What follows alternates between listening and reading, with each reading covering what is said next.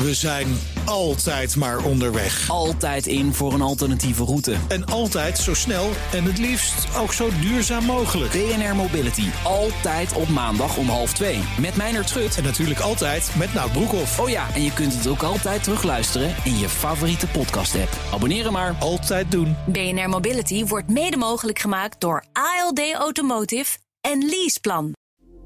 Dit is een BNR-podcast. Wetenschap vandaag. Wat gebeurt er in onze hersenen als we sociale keuzes maken? Wetenschappers zijn erin geslaagd om daar iets meer over te kunnen zeggen door in real time naar twee hersenstofjes tegelijk te kijken. En wetenschapsredacteur Carlijn Meiners is hier bij ons om daar meer over te vertellen. Ha, Carlijn. Hoi. Ja, dat klinkt als iets wat niet zomaar in mensen kan. Nee, hè? nee, dit is meestal onderzoek in proefdieren. Maar dit onderzoek is toch echt in mensen uitgevoerd.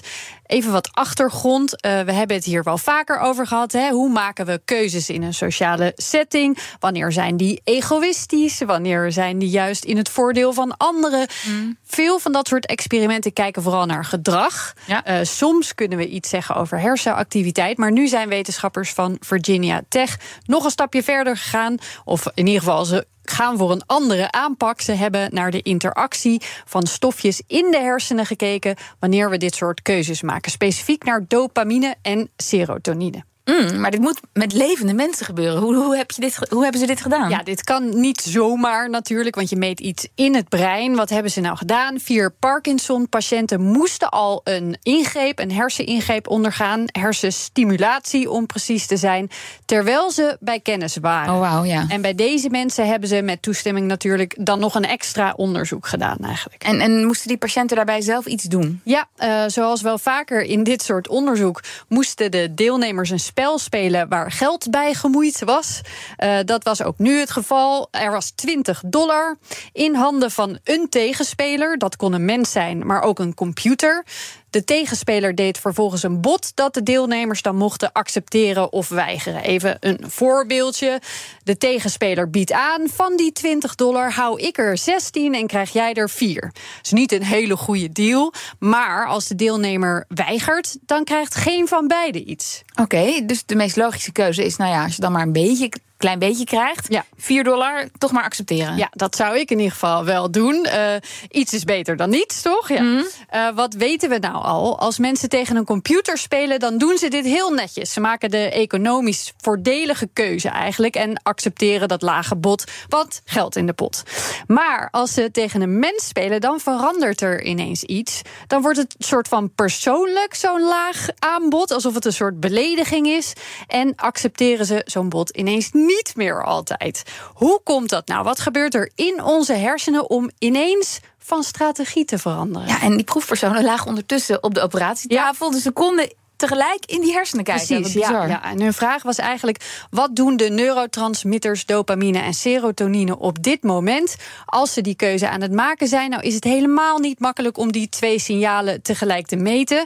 Daar moesten ze zelf tech voor ontwikkelen, mhm. waarmee ze vervolgens in real time in het brein konden meten.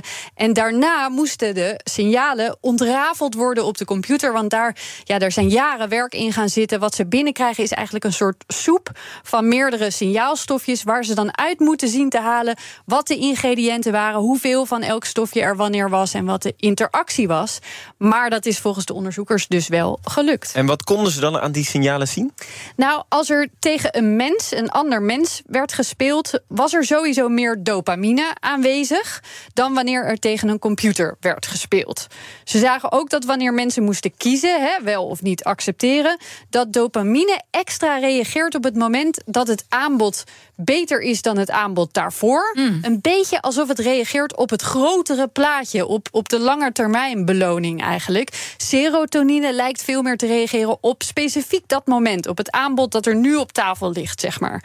En die beide stofjes die voeren een soort dans uit. Die, die signalen samen beïnvloeden vervolgens dan ja, eigenlijk de sociale interactie. Wat jij nu eigenlijk omschrijft is elk spelprogramma hè, waar je geld kan verdienen. Je hebt heel vaak dat je dan uh, ja, daar zal dit ongetwijfeld ook allemaal uit gebeuren. koffertjes en tegen elkaar. En dan krijg je dus dit. Ja, ja. En die Parkinson-patiënten die daaraan hebben meegewerkt, ja, die lagen dus op die operatietafel. Maar hebben die ook nog iets aan de uitkomst van dit onderzoek?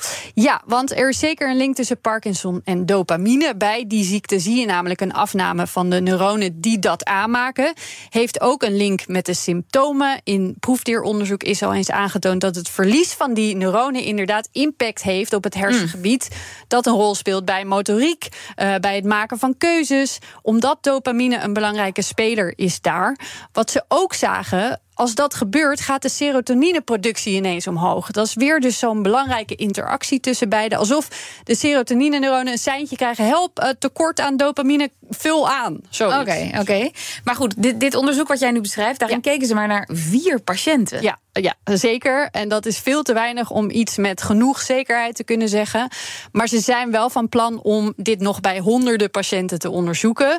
En dan uiteindelijk meer te kunnen zeggen over eh, verschillende soorten hersenproblemen en hersenziektes.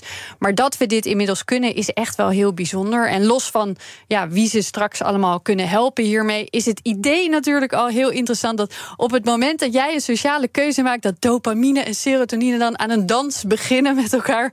Die uiteindelijk mede bepaalt hoe we ons gedragen tegenover de medemens. Ik vind dat eh, ontzettend. Ja, dat is mega interessant. Ja. Dankjewel, Carlijn. We zijn altijd maar onderweg. Altijd in voor een alternatieve route. En altijd zo snel en het liefst ook zo duurzaam mogelijk. BNR Mobility. Altijd op maandag om half twee. Met Meijnerd Schut. En natuurlijk altijd met Nout Broekhoff. Oh ja, en je kunt het ook altijd terugluisteren in je favoriete podcast-app. Abonneren maar. Altijd doen. BNR Mobility wordt mede mogelijk gemaakt door ALD Automotive en Leaseplan.